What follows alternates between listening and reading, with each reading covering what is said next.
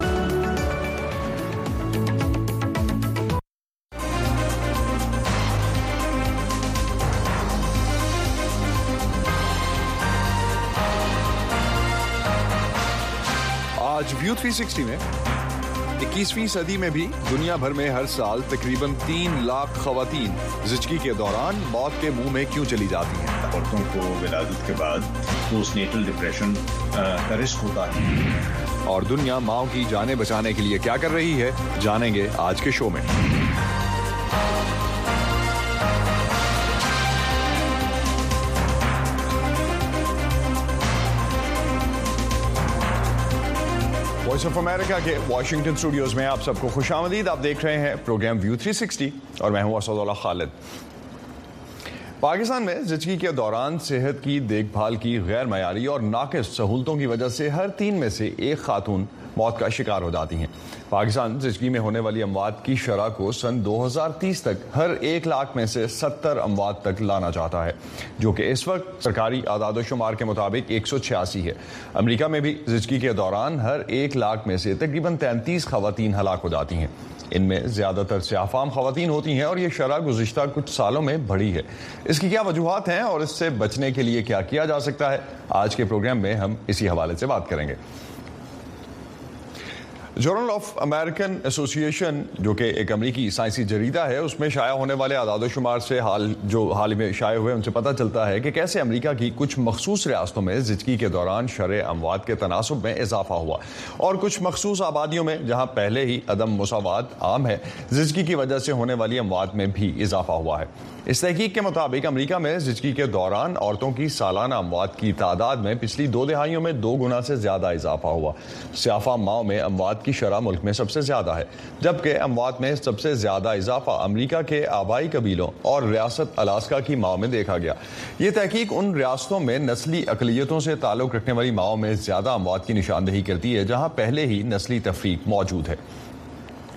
اس رپورٹ کے مرکزی محقق کا کہنا ہے کہ اس عدم مساوات کی بنیادی وجوہات کو سمجھنا ضروری ہے اور یہ محض صحت عامہ کی سہولتوں تک رسائی کا معاملہ نہیں ہے بلکہ اس کا تعلق نظام میں نسل پرستی موجودہ پالیسیز اور سسٹم سے ہے جو لوگوں کو صحت مند زندگی گزارنے سے روکتے ہیں امریکہ میں بیماریوں کی روک تھام کے ادارے سی ڈی سی کی ایک حالیہ تحقیق میں بتایا گیا ہے کہ گزشتہ برس امریکہ میں سیاہ فام حاملہ خواتین میں بچوں کی پیدائش کے دوران اموات کی شرح سفید فام اور ہسپانوی نشاد خواتین کے مقابلے میں تقریباً تین گنا زیادہ تھی ریاست ٹیکسس میں خواتین کی ایک تنظیم ان اموات کو کم کرنے کے لیے کوششیں کر رہی ہے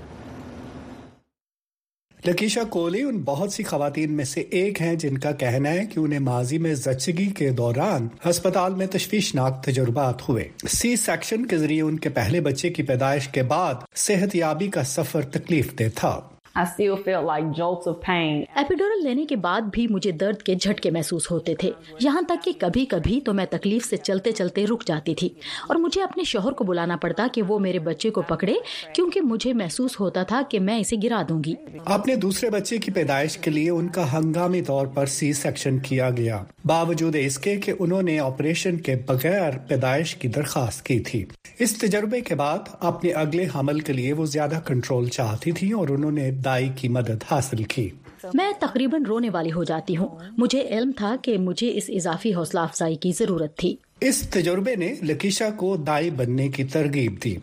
اب وہ اپنے پلیٹ فارم کے ذریعے خواتین کو دستیاب آپشنز کے بارے میں آگہی دیتی ہیں سیاہ فام خواتین میں شرح اموات میں اضافے کے پیش نظر بہت سی خواتین بچوں کو جنم دینے کے لیے متبادل طریقوں کی طرف رجوع کر رہی ہیں There's a foot here. سرٹیفائڈ نرس مڈ وائف کرسٹل براؤنٹر کی مالک ہیں ریاست ٹیکسس میں یہ سہولت سیاہ فاموں کی ملکیت والے ان چند کلینکس میں سے ہے جو میڈیکیڈ اور انشورنس پلانس کو قبول کرتے ہیں وہ خود کو زیادہ محفوظ محسوس کرتی ہیں کیونکہ وہ بات کر سکتی ہیں اور چونکہ ان کی آواز سنی جا رہی ہے اور نظر انداز نہیں کیا جا رہا جسٹ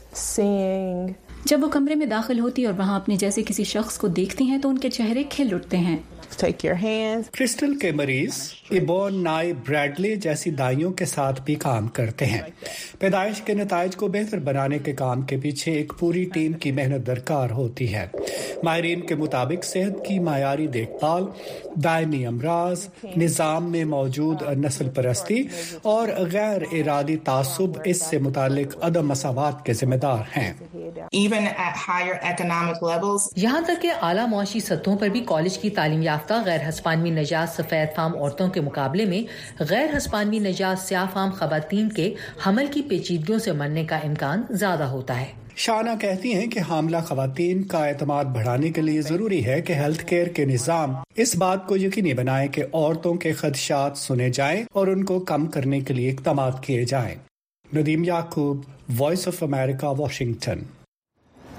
پاکستان میں زچکی کے دوران ہونے والی ماؤں کی اموات پر قابو پانے کے لیے مختلف حکومتوں کی طرف سے اب تک کیا کیا گیا ہے اس پر بات کرتے ہیں وائس آف امریکہ کی سمن خان سے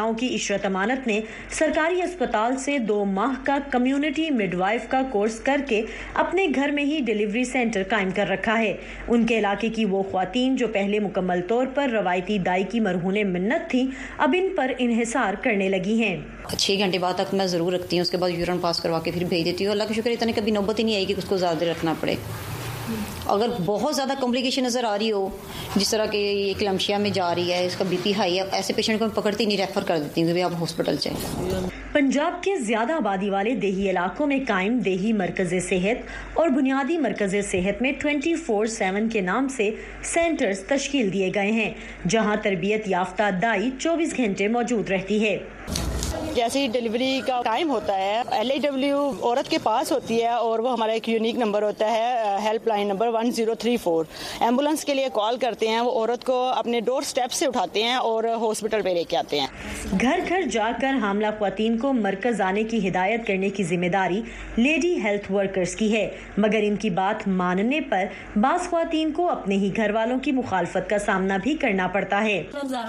میرا تیسرا بیٹا ہوا نا تو غصے کے ساتھ انہوں نے مجھے نہیں بلایا تھا کہ یہ دائی سے چلے گی ادھر ہاسپٹل چلے گی دائی کو چھوڑ کے پھر میرے میاں نے بات کی کہ نہیں امی اگر ہم گھر میں کیس کرواتے ہیں نا تو ہو سکتا ہے کہ دائی سے بی پی نہ کنٹرول ہوتا زچہ بچہ کی صحت کو یقینی بنانے کے لیے ہر سطح پر کوششیں تو کی جا رہی ہیں لیکن اب بھی روایتی سوچ آڑے آ رہی ہے جس کے لیے تربیت یافتہ دائیوں کا کہنا ہے کہ آگاہی مہم مزید تیز کرنے کی ضرورت ہے سمن خان وائس آف امریکہ لاہور پاکستان میں اکثر دور دراز اور دیہی علاقوں میں زچگی کے دوران مڈ وائف یا دائیوں کا ایک بڑا کردار ہے اس کے علاوہ خوراک اور ضروری نیوٹریشنز بھی اس پورے پروسیس کے لیے بہت ضروری ہیں اس حوالے سے بات کرتے ہیں اس وقت ہمارے ساتھ موجود ہیں ڈاکٹر صاحب جان بدر سندھ کے محکمہ صحت کے ایک پروجیکٹ جو بچوں اور ماؤں کی صحت کے لیے کام کر رہا ہے اس کی پروگرام کوارڈینیٹر ہیں بہت شکریہ ڈاکٹر بدر ہمیں جوائن کرنے کا پاکستان میں کیا اہم چیلنجز ہیں جو آپ کے خیال میں اگر ایڈریس کر لیے جائیں تو ماؤں کی جانیں بچائی جا سکتی ہیں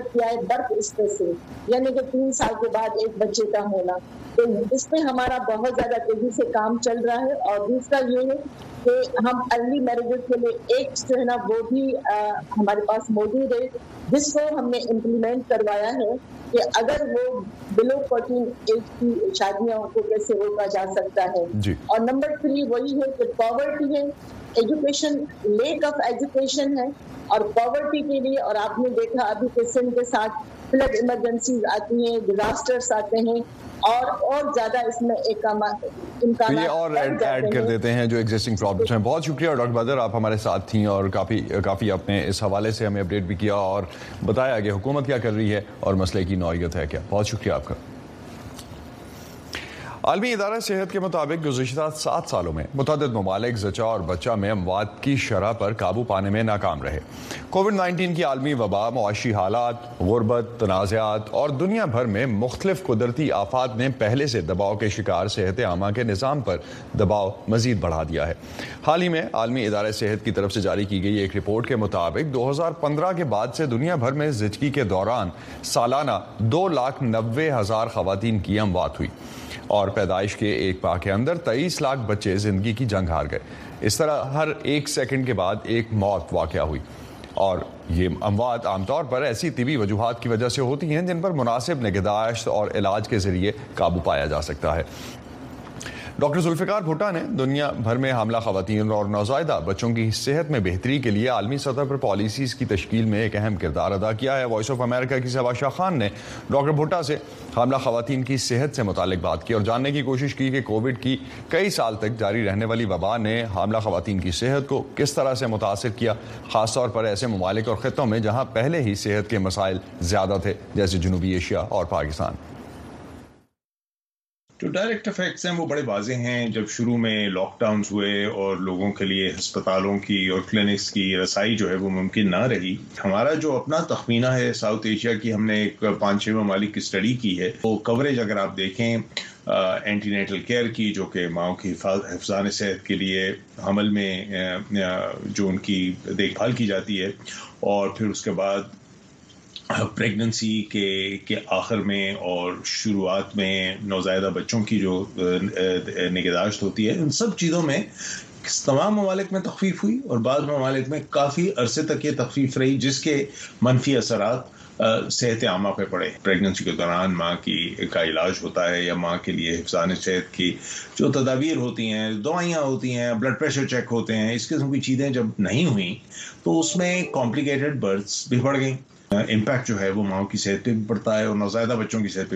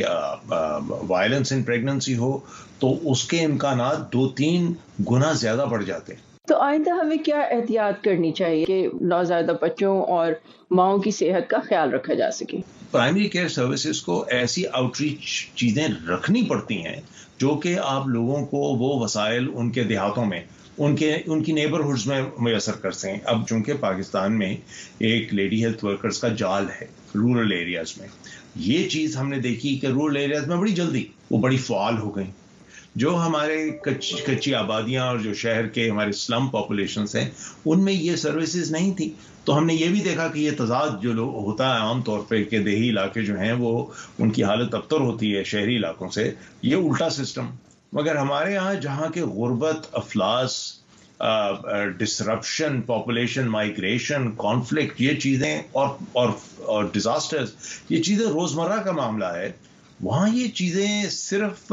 ہنگامی حالات میں نہیں ہوتی ہیں آپ کے روزمرہ کی چیزیں ہیں پاکستان میں گزشتہ چند مہینوں میں لیڈی ہیلتھ ورکرز پروگرام نے ایک مینٹل ہیلتھ ماڈیول بنایا ہے ان لیڈی ہیلتھ ورکرز کے لیے کہ وہ عام حالات میں بھی خواتین جو ہماری ایڈولیسنٹ لڑکیاں ہیں ان کی مینٹل ہیلتھ سپورٹ کے لیے کام ہمہ وقت کریں اسی پہ ختم کرتے ہیں آج کا ویو 360 سکسٹی اسٹے سیف اور پاکستان اور خطے کی خبریں جاننے کے لیے آپ ہمارے سوشل میڈیا پیجز پر آ سکتے ہیں اب تک کے لیے اتنا ہی اسد اللہ خالد کو اجازت دیجیے خدا حافظ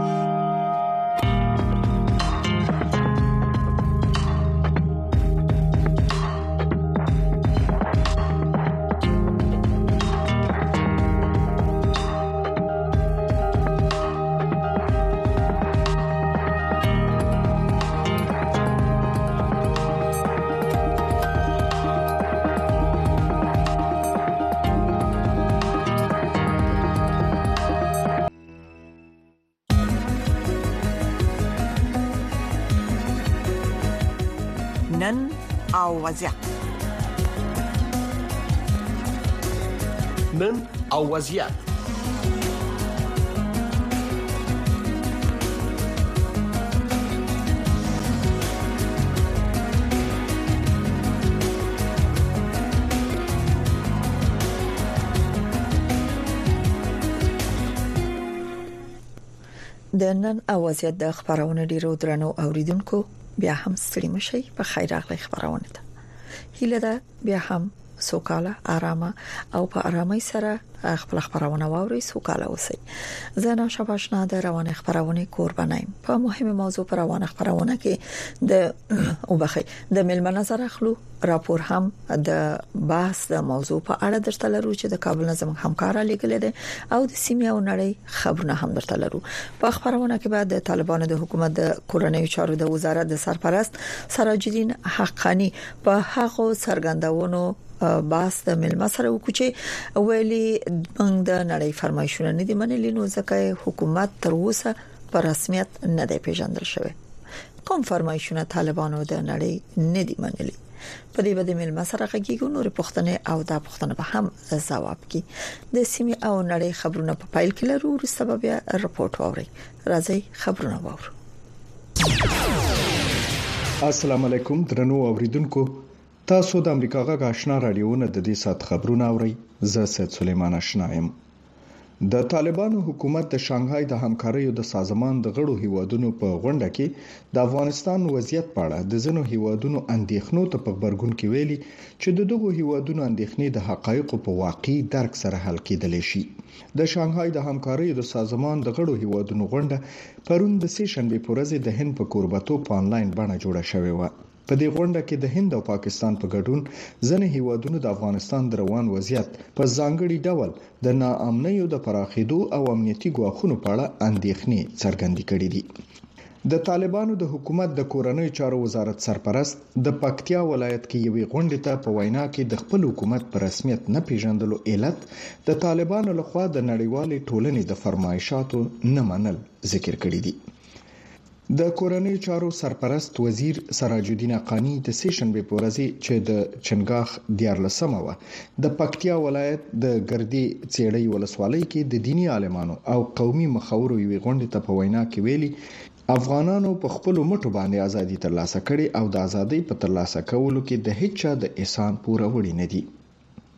د طالبانو د حکومت د کورنیو چارو وزارت سرپرست دا ونه ویل چې د طالبانو څخه د رسمیت پیژندلو په بدل کې د نړیوالو غوښتنې څه دي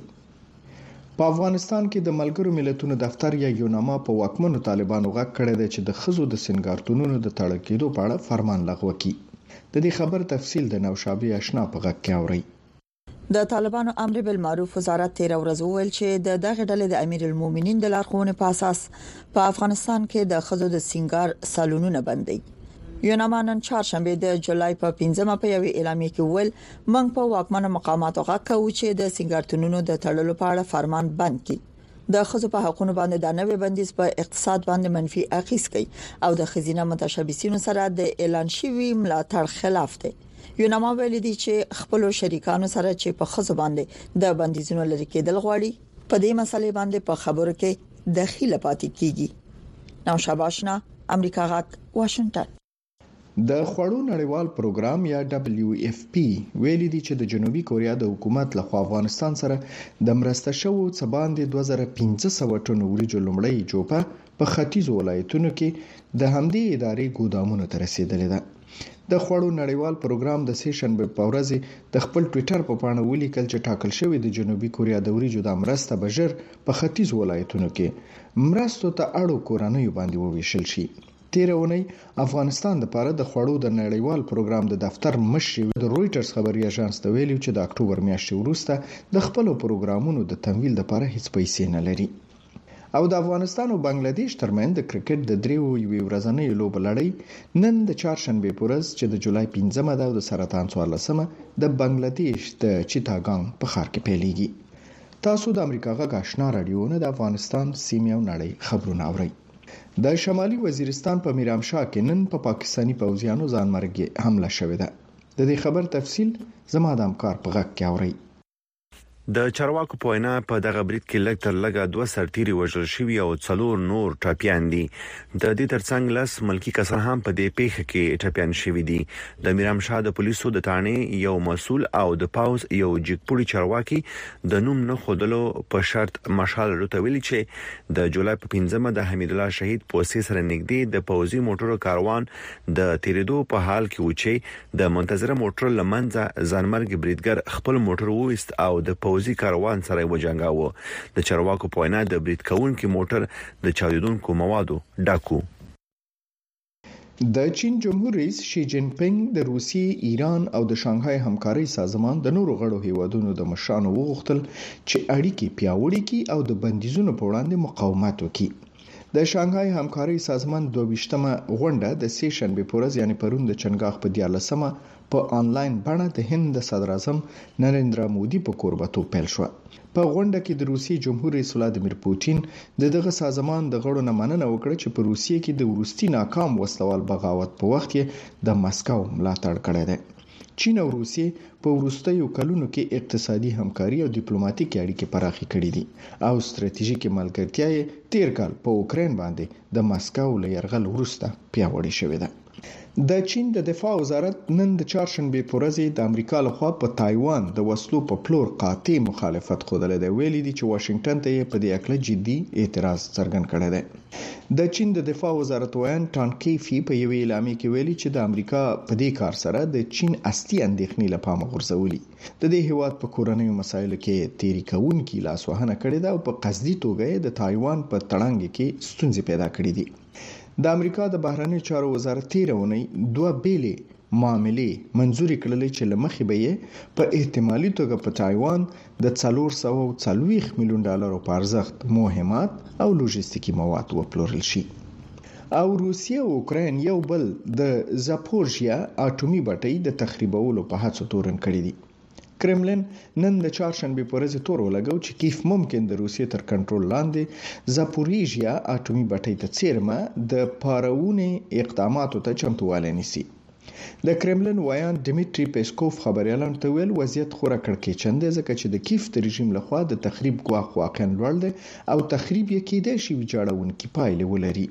پیسکوف دا څرګندونې وروسته له هغې وکړې چې د اوکراین جمهور رئیس ولادیمیر زیلینسکي روانه اونۍ خپل فرانسوي سیال ایمانویل ماکرون ته وویل چې روسیه د زاپورژیا بټۍ کې د خطرناکو،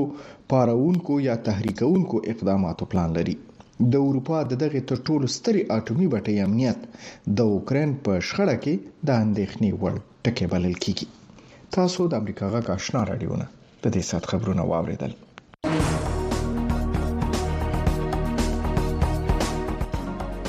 نن او وضعیت نن او وضعیت د نړۍ سیمه او افغانستان پر روانو چارو او د نن په وضعیت خبرونه راپورټونه مرکه او تحلیلونه هر شپه په 9 بجې د امریکا غږ آشنا رادیو نه واوري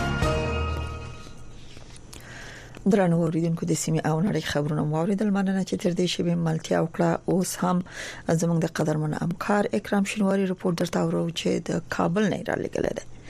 د طالبانو د حکومت د کورنیو چارو وزارت سرپرست سراج الدین حقانی وایي چې د طالبانو لخوا د نړیوال ټولنې د غوښتنو نه منل د دې لامل شوی چې د طالبانو حکومت په رسمیت ونه پیژندل شي د سیاسي او امنیتي چارو ځنې کارپوهان به وایي چې د افغانستان اکثره اوسیدونکو هم د طالبانو له حکومت نه د نړیوال ټولنې د غوښتنو په څیر ځنې غوښتنې لري دا چې غوښتنې څه دي راځي رپورت په ګډه وورو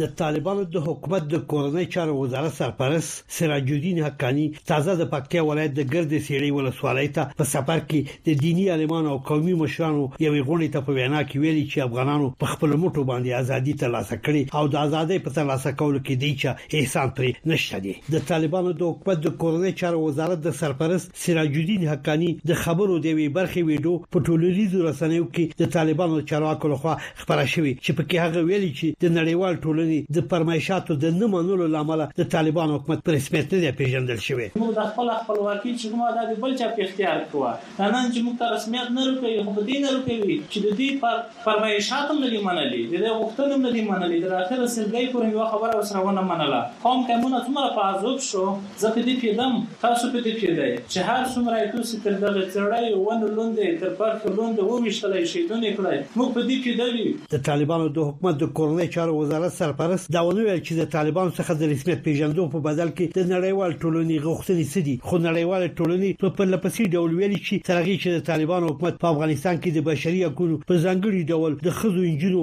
مذهبي او قومي اقلیتونو حقوقو ته درناوی ونه کړي او د تروریستي ډلو سره یې اړیکې نه وي پرې کړي دا حکومت په رسمیت ونه پیژني د امنیتي چارو یو کارپوه اسدالله ندیم امریکا غږ ته ویل چې نړیوال ټولنې ځینې غوښتنې هغه غوښتنې دي چې افغانان هم د طالبانو له حکومت څخه لري البته بعضی خواهش ها شرایط داره نه تنها جامعه جهانی ملل متحد بلکه کشورهای عمده جهان منطقه همسایه ها همه یکسان یک چند شرط بسیار مهمه به طور مشترک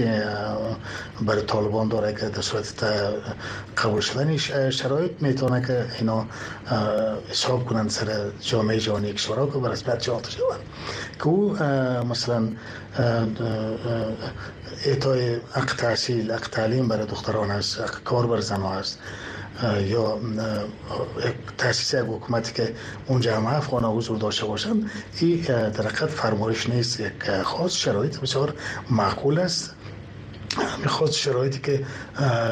جامعه جانی مطرح میکنن خاص و شرایط مردم افغانستان هم است د ملګرو ملتونو مرستندوی دفتر د سیاسي څانګې مرستیال په دې وروستیو ورځو کې په یو مرکه کې ویلي چې که چیرې طالبان حکومت پر ښځو او انجونو باندې لګیدلي محدودیتونو ته دوام ورکړي نړیواله ټولنې سره به د دغه حکومت اړیکې هیڅکله ښې نشي د امریکا د بهرنیو چارو وزارت ویاند ویدان پیټل د جون په یوویشت مه په واشنګټن کې یو خبري کانفرنس ته وویل چې د افغان میرمنو او نجونو سره د طالبانو چلند او د هغوی حقونو ته نه درناوی په نړیواله کچه د طالبانو د حکومت د منلو او مشروعیت په لاره کې یو خنډ دی. طالبانو د دوه زره یوویشتم کال د اګست په میاشت کې په افغانستان کې واک ته د بیا رسیدو وروسته په پرله پسې ډول پر ښځو او نجونو باندې محدودیتونه لګولي. نږدې دوه کاله کیږي چې په دغه هیواد کې د شپږم ټولګي څخه پورته ښوونځیو کې د نجونو پر زده کړو بندیز لګېدلی او له تېر دوه زره دوه ویشت کال د ډسامبر د میاشتې وروسته په پوهنتونونو کې هم نجونې او ښځې د زده کړو محرومې شوې دي. د دې سربېره طالبان حکومت د ملګرو ملتونو او غیر دولتي ادارو په ګډون په دولتي ادارو کې د ښځو په کار بندیز لګولی. ملګري ملتونو طالبانو د حکومت دا اقدامات د ښځو په وړاندې یو سیستماتیک جنسیتي تبعیض ښودلی او له طالبانو څخه یې دغو ټولو محدودیتونو د لرې کولو غوښتنه کړې.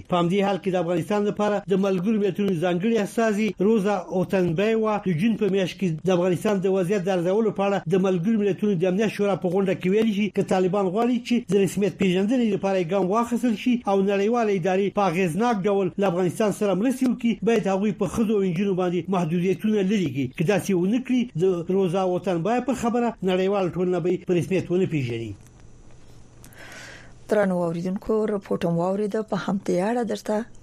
البته د ملما سره تبصره لرو قدرمن اوریدونکو په لاندې شیبو کې به زمو قدر ملما هم په لاين کې متاسفانه یا لبد مرغه تر اوسه پورې خبرونه کې حضور نه لري نو هیله ده چې په لاندو کې موږ سره خبرونه ته حاضر شي وخت ډیر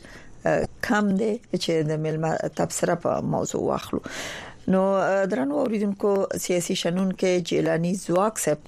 به موږ سره ملمنۍ ملمۍ وخی په خبرونه کې او دا چې د طالبانو د حکومت د کورنۍ چارو وزیر ویل دي سرپرست وزیر ویل دي سراج الدین حقانی ایسه ویل دي چې موږ د نړۍ فرمایشونه نه دي منلي نو ځکه حکومت په رسمیت نه دی پیژندل شوی کوم فرمایشونه دي د نړۍ دا هم د جیلانی زواک صاحب نه وپښتو بل دا چې آیا کوم فرمایشونه چې نړۍ ورکړي هغه سره څومره د افغان ولس همغږي ده آیا دا غوښتنې د افغان ولس هم دي کنه دي به ور سره د افغان ولس غوښتنې څومره طالبانو ته د قبول وړ دي نو دا او نور ورته پښتنې براته سیاسي مبصر جیلانی زواک صاحب جواب کې لنی کمرغه په لاين کې د زواک صاحب زواک صاحب ستړي مشه خبرونه ته بخیر اوسې مننه کورم ودان زواک صاحب تاسو په جریان کې استئ د طالبانو د حکومت د کورنۍ چارو وزارت سرپرست سراج الدین حقانی ویل دي چې د نړۍ فرمایشونه هم نه دي منلي ځکه زموږ حکومت پر رسمیت نه پیژندل کیږي تر کوم ځای چې تاسو جریان کې استئ د نړۍ غوښتنې د طالبانو نه څه دي ها اول خو زه به دویم چې د نړۍ غوښتنه نه د افغانستان د خلکو غوښتنې دي هغه څه چې د دې پر رسمي پیژندلو کې خنډ واقع کیږي هغه د نړۍ غوښتنې نه بلکې د افغانستان د خلکو غوښتنې دي خزو ته که د کار او د تعلیم حق ده غوښتنې دي دا د افغانستان د خلکو غوښتنه ده سیاسي پلورالېزم نور احزاب او ته د فعالیت اجازه او واکه د ګډون اجازه هغه څه چې ټول شمول حکومت ویل کېږي دا د افغانستان د خلکو غوښتنې دي نو دوی که د افغانستان د خلکو غوښتنې ومني دنیا به مجبور شي چې د رسمیت وپیژني bale یعنی د افغانستان خلک د غوښتنې د نړۍ د طریقه دوی خپل غاک نړۍ ته رسیدل د نړۍ د نړۍ د طریقه په طالبانو باندې د یو فشار په توګه یادونه کیږي چې باید د ولس غوښتنو ته دوی غاړه کیدي سي بلکل بلکل خبره دا ده چې په دغه نړۍ کې ته نشي کولای چې په داسې شکل ژوند وکړي چې د ټول قوانینو ته اصول ته ته شاکه او هغه څه چې ستاسو غواړي هغه سه حاکمیت ولري د ملیون هاو انسانانو هغه ټول اساسي حقوق د پخو لاندې کی او دا غنه روسته بیا نړۍ ته وی چې ما پر رسمیت وو پیژنه نو اساسي مشکل دا دی چې د افغانستان د خلکو حقوق په رسمیت نه پیژني کله دغه حقوق په رسمیت وو پیژني نو نړۍ به مجبور شي چې دوی په رسمیت وو پیژني بل خبره چې زه غواړم کوم آیا نړۍ کوم داسې غوښتنه کړې ده تاسو له چې هغه د افغانستان د ازادۍ استقلال او د افغانستان د ملي ګټو سره په خلاف کې واقع ده که تاسو غوښتنه شوي نو خو مهرباني وکړئ وی وی د افغانستان خلکو ته چې نړۍ موږ نه دغه غوښتنه لري او دغه د افغانستان د استقلال او د عزت خلاف خبره ده نو ځکه موږ سره نه منو دا هیڅ شي نشته دی په داسې حال کې بله مهرباني بله په داسې حال کې چې ډېر اوازې د غزيدي وس څوره د مخکې بایدن چې کوم خبرې وکړلې دا غل مخکې سیګار یو گزارش نشو کړو چې د دوه توافقات البته کابل نیوز تلویزیون لومړي ځل دغه گزارش نشر کړل چې په دوه کې پټ توافقات هم شته او شفاهي توافقات هم شته یعنی ډیر څه تاسو داسې منلي دي چې جرأت نه لري د افغانستان خلکو ته وي نو هغه شرایط چې باید ونه منل شي هغه خو تاسو منلي دي او جرأت نه لري چې د افغانستان خلکو ته وي نو کپل چې خو ویل د افغانستان خلکو ته هغه څه چې تاسو نه منئ هغه د افغانستان د خلکو حق دی بله بله مننه زواک صاحب یو لنډه پښتنه بلم لرم دغه د فرمایش کلمه د سي کله کله د غورزنی ژوند کې چې څوک غواړي یو اضافي یا فوق العاده کوم غوښتنه ولري بیا نو وایي چې دغه د یو فرمایش ده کنه او که معقوله پر ځای او د عادي ژوند د یو حق په توګه یو څوک عادي یو څه تر لاسه کوي هغه ته فرمایش سره روزانه دغه ژوند دغه اصلاحات زمونږ امد سکاريږي چې هغه ته فرمایش نه ویل د نشو ویل دغه کلمه چې کاریدل د فرمایش او د نړۍ غوښتنه هم تاسو ویل چې نړۍ نړۍ نه بلکې ولس غواړي د نجونو مکتبونه دي، بشري حقوقو رعایت دی، د کار کولو حق دی، د حکومتدارۍ ځینې مسایل دي، خلکو ته د خدماتو رسول یا دا ټول مسایل چې دي ایا دا فرمایش دی که دا د خلکو حق دی چې غوښتل کیږي عادي د انسان حق دی. تاسو خبره تاسو خبره بالکل درسته ده دا د خلکو حق دی فرمایش نه دی کوم اضافي غوښتنه نه ده داسې یو خبره نه ده چې د چا حق نه دی او ته ورنه یو اضافي غوښتنه کې زه فکر نه کوم دا څه خبره نشته ده کدا څه خبرې خو ودی وي دا څه کوم غوښتنې چې نو دا په لا بده ده چې دا څه غوښتنې شته او تاسو د افغانستان خلکو ته نه ویوي نو باید ویل شي لیکن هغه څه چې مهم دي هغه د افغانستان د خلکو حق دی ټول مسایل چې یادېږي هغه د خزو د تعلیم مسله ده که د کار مسله ده که د نور افغانان په واکه د ګډون او د غي د اساسي ازادۍ او د حقوقو خبره ده نو د افغانستان د خلکو د حق خبره ده دا به په ومني bale bale کله نه مني نو د نشي کولای په دغه دنیا کې یوازې ژوند کې دا باید په دې یعنی د نتایج افغانستان تم ډیر ځان مندي او د دې حکومت تم ځان مندي زه یو ځل بیا یادوم هغه څه چې د دنیا داسې وختنې دي چې په اصطلاح دغه څنګه تاسو د فرمایش او د حق ترمن فرق هغه خو تاسو منلې دي دنیا ته مثلا امریکا د استخباراتي همکارو خبره کوي د بایډن په قول د سیګار د راپور له مخې ښکاري چې امریکا سره تاسو استخباراتي همکاري لري نو دغه کله چې وزاهلی ایمان زواهری پټو او هغه راغی کابل ته او بیا ته وژل شو خلک حق لري دا شک وکړي چې د یو استخباراتي همکاري په نتیجه کې دغه کار منځته شوی دی منځته شوی دی دا څه نور خبرې دي د پاکستان سره تاسو د پاکستان د کورنۍ چارو وزیر دا خبره کوي چې طالبانو موږ سره دا منلې ده چې ټي ټي پی خلک به د ډیورن لاین نه لري نور سیمو ته انتقالو نو تاسو دغه رقم غوښتنې چې حق نه دي فرمایشونه دي او حتی د افغانستان د ازادۍ او استقلال سره په منافي کې دي هغه خبره خو تاسو منلې دي هغه خبره خو تاسو منئ کاشکې هغه خبرې ونه منئ او که هغه خبرې یي نو مهرباني وکړئ لطف وکړئ د افغانستان خلکو ته ووایئ چې موږ نه ایندا ناروا غوښتنه کیږي او موږ یې نه منو نو په هغه دنیا کې څه نه پیژني ولس هم در سره ودرېږي کنه نو د ولس ملاتړ هم تر لاسه کوي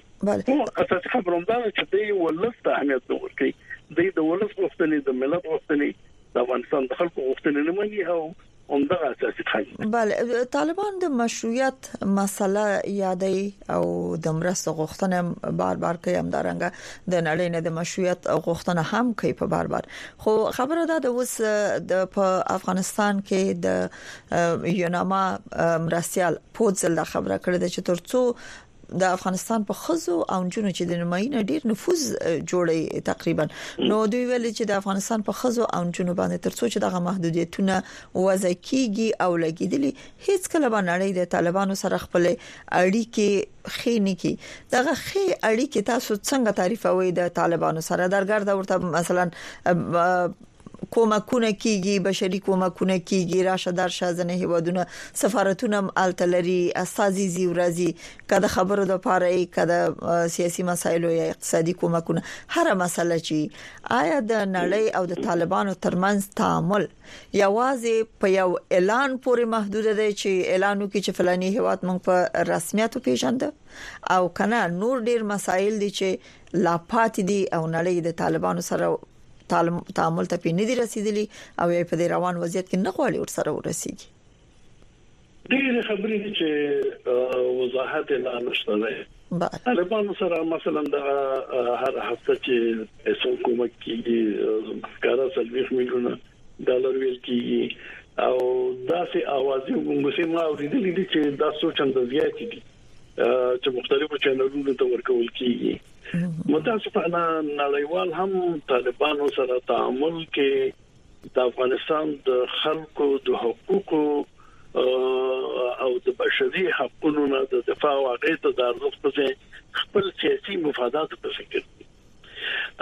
نو طالبانو سره د رابطه شته دغه اړیکې شته د مختلفو ودونو د تاسو معلوم قطر قطر څوک دی قطر امریکا ټول مستر رال دلم د دې مشران تک راتګونه لري ډېر نه تعریف شوی او دا ویل شوی اړیکې او روابط شته دي لیکن متاسفانه هغه څه چې نشته دي دا زیان زیات د افغانستان خلکو ته متوجه دي ځکه چې طالبانو حکومت پر رسمیت نه دی پیژندل شوی دا هغه مستقیم زیان د افغانستان خلکو ته دی نو ښه خبره ده دا وی چې طالبانو باندې کې فشار واردېږي که په دې باندې بندیزونه لګول کیږي دا په داسې شکل وی چې دا غزيان د افغانستان خلکو ته ونه رسیږي سو اکثر مخکې تاسو دا څومره مراتب څومره نه ده طالبانو سره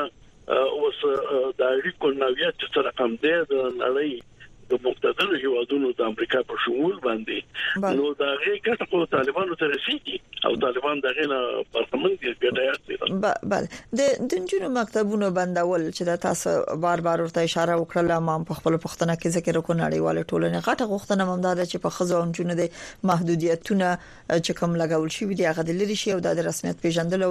د طالبانو سره د تعامل په لار کې یو غټ خند امدا غنل شوی دی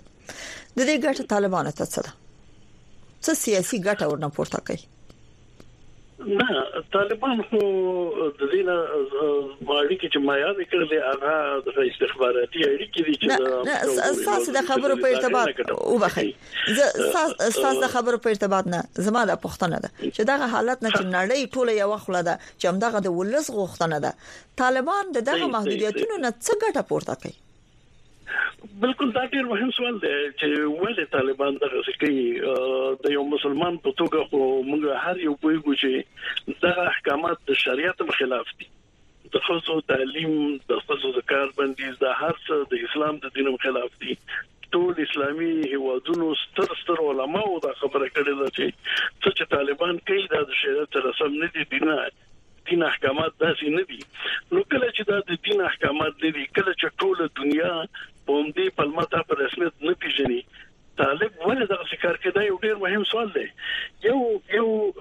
شک کیږي هغه دغه دی چې طالبانو باندې د پاکستان ځنې سیاسي مذهبي ډلې ډیر زیات نفوذ لري هغه استادان دي طالبانو استادان دي په مدرسو کې طالبانو درس ویلې نه نو د هغه د لارې نه طالبان مجبور کیږي داسې سیاستونه وره کې چې طالبان منځوي پاتې شي نړۍ په رسمیت ونه پیژني او نتیجه دا شي چې د طالبانو ټول اتکا بیا په پاکستان باندې شي نو د خطر چې دغه حکومت پاکستان خپل کنټرول کې وساتل شي د پاکستان ځینې مذهبي ډلې چې ډېر نفوذ لري طالب مشران باندې په په تشویق باندې دا کار کیږي په دې نامه چې واکه افغانستان چې شریعت او اسلام تطبیقي نو دا نه دا خبره نه د شریعت سره سم ده د سره سم ده نه د د د دې د حکومت منافع سره سم ده چې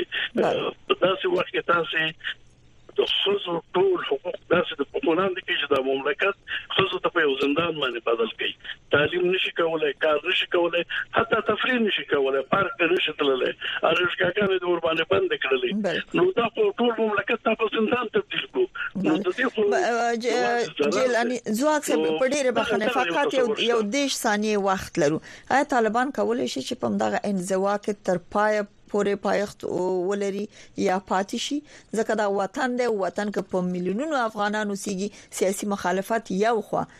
اما کولای شي چې دا حکومت همداسې د طالبان حکومت په انزوا کې دوام پیدا کړي تیر ځل د طالبانو پالیسي سبب شوې چې بل اخر د سپتمبر یو لسمه غونډه پیښه رامنځته شي او امریکا او دنیا افغانستان ته راشي په لاسکر راولي دلته د جدي تجاوز او اشغال ویلي زه اړیکم چې د طالبانو د هرنګ پالیسي افغانستان یو بل فاجعه سره مخ کړي خدای دې چې دوی د عقل نه کار واخلي او د دغه پالیسیو او په نرمولو سره افغانستان د فاجعې نه وساتي مننه سیاسي مبصر قدرمن جیلانی زو اکثر ډیر مننه چې په خبرونه کې حضور لرل او په دې مهمه موضوع هم تبصره وکړه کورم ودان قدرمن اوریدونکو د نن وضعیت خبرونه هم په همدې ځای پای ته رسیدي د ملتیا ډیر مننه کورم ودان چې د امریکا غږ آشنا رادیو ټول خبرونه اوري او ملګرتیا هم کوي درنو اوریدونکو په لاندې شیبو کې د تاسو غږ کې صداي شما خبرونه هم پیليږي قدرمن همکاران به په لاندې شیبو کې په سټډیو کې حاضري کورم ودان الله مالشه